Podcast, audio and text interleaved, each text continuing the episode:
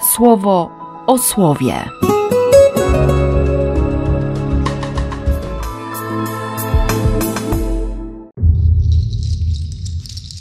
Dwudziesty listopada, sobota. Z pierwszej księgi machabejskiej. Król Antioch tymczasem szedł przez wyżynne krainy.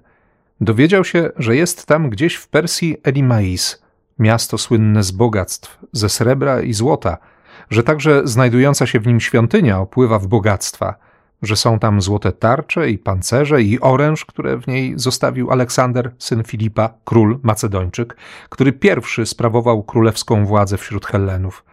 Doszedł tam i próbował zdobyć miasto i ograbić je. Nie zdołał jednak, bo mieszkańcy dowiedzieli się wcześniej o jego zamiarze i podjęli z nim walkę. Wycofał się więc i z wielkim rozgoryczeniem odszedł stamtąd, aby się skierować do Babilonu. Wtedy tam, do Persji, przybył do niego ktoś z wiadomością, że pobite zostały oddziały, które się wyprawiły do ziemi Judy, a zwłaszcza, że Lizjasz wybrał się z wielką potęgą i został przez tamtych zmuszony do odwrotu, i że tamci urośli w siłę dzięki orężowi, zasobom i licznym łupom, wziętym na wojsku, które wycięli że zburzyli ową ohydę, którą on umieścił na ołtarzu w Jeruzalem, że świątynię otoczyli jak poprzednio wysokimi murami, a także jego miasto, Betsur. Gdy król wysłuchał tych wiadomości, przeraził się i tak bardzo był wstrząśnięty, że rzucił się na łoże i popadł z przygnębienia w chorobę, bo nie tak mu to wyszło, jak pragnął. Leżał tam przez wiele dni, bo wielki smutek pogłębiał się w nim, tak że zaczął myśleć o śmierci. Wezwał do siebie wszystkich przyjaciół i rzekł im: Sen odszedł od moich powiek. Wystygło moje serce od udręki i powiedziałem sobie: Jakiego bólu dożyłem, jak głębokiego poniżenia, w którym się teraz znajduję. A przecież w sprawowaniu swej władzy życzliwy byłem i kochany. Teraz myślę o złu, którego dokonałem w Jeruzalem. Zabrałem stamtąd cały sprzęt, srebrny i złoty. Niepotrzebnie wysłałem wojsko, aby wytępić mieszkańców Judy. Teraz zrozumiałem, że przez to spotkały mnie te nieszczęścia. I oto w ziemi obcej gasnę z wielkiego przygnębienia. Potem przywołał Filipa, jednego ze swoich przyjaciół, i ustanowił go regentem nad całym swoim królestwem. Przekazał mu diadem, swój strój uroczysty i sygnet, aby pokierował Antiochem jego synem i aby przygotował go do rządów królewskich. I zmarł tam król Antioch w roku 149.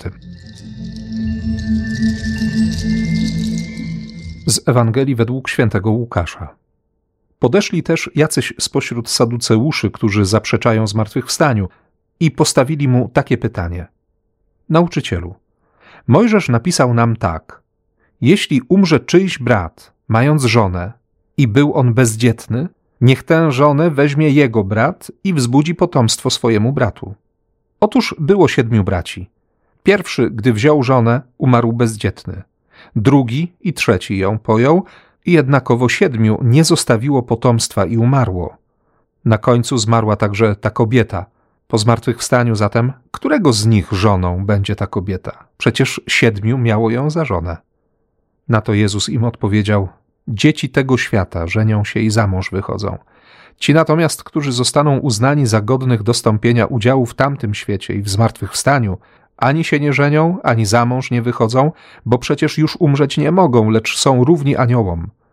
Jeśli są synami zmartwychwstania, są synami Boga. A to, że umarli zmartwychwstają, nawet i Mojżesz ujawnił przy krzaku, gdy mówi Pan, Bóg Abrahama, Bóg Izaaka, Bóg Jakuba. Nie jest Bogiem umarłych, lecz żyjących. Przy nim bowiem wszyscy żyją.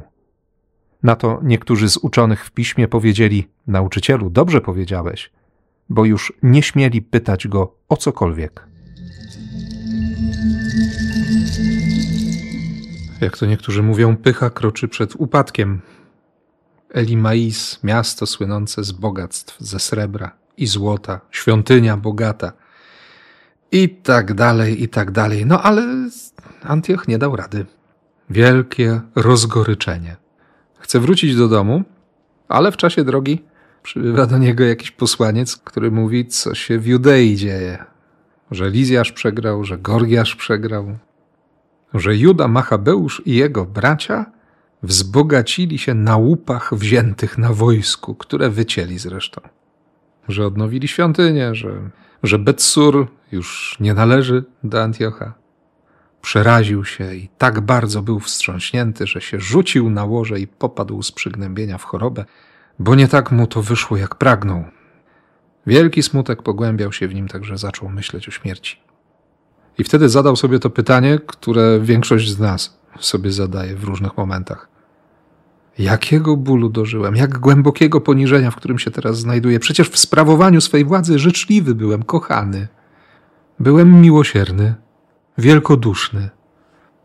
Jeśli moja opinia nie zgadza się z faktami, to tym gorzej dla faktów, tak? Można siebie oszukiwać. Na szczęście Bóg zaczyna odkrywać przed Antiochem prawdę, a przynajmniej tak to interpretuje autor ksiąg machabejskich.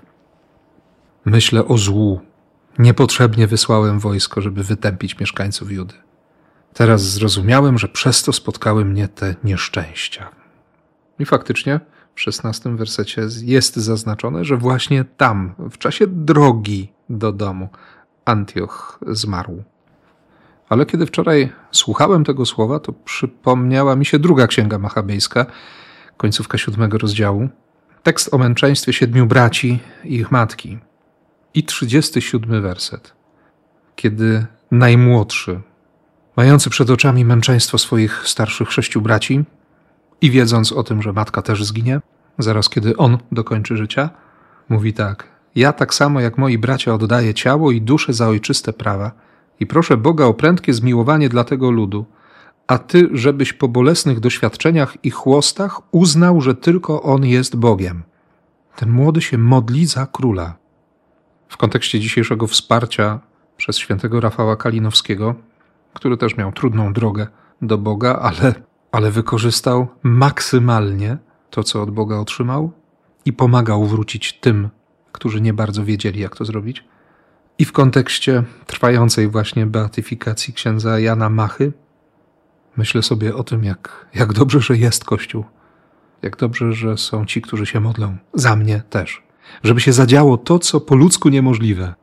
Żeby się nawrócić. Bo to jest łaska. I o tę łaskę wiem, że prosi Kościół. I o tę łaskę ja sam w Kościele też proszę. Biorę modlitwę sióstr i braci i daję im swoją.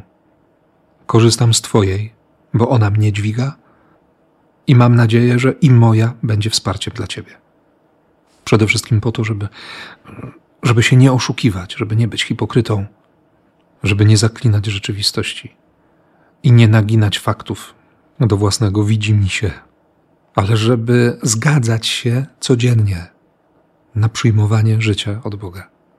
Wtedy, kiedy jest się bezradnym wobec rozmaitych śmierci, kiedy wszystko mówi, że jest beznadziejnie, kiedy samemu ze sobą trudno jest wytrzymać. Bo na szczęście jest jeszcze słowo, które dzisiaj Jezus wypowiada do Saduceuszy. Nie jest Bogiem umarłych, lecz żyjących. Przy Nim bowiem wszyscy żyją. Przy Bogu się żyje. Więc niech nam sił nie zabraknie do tego, żeby, żeby żyć. I niech posługa Kościoła pomoże i Tobie, i mnie.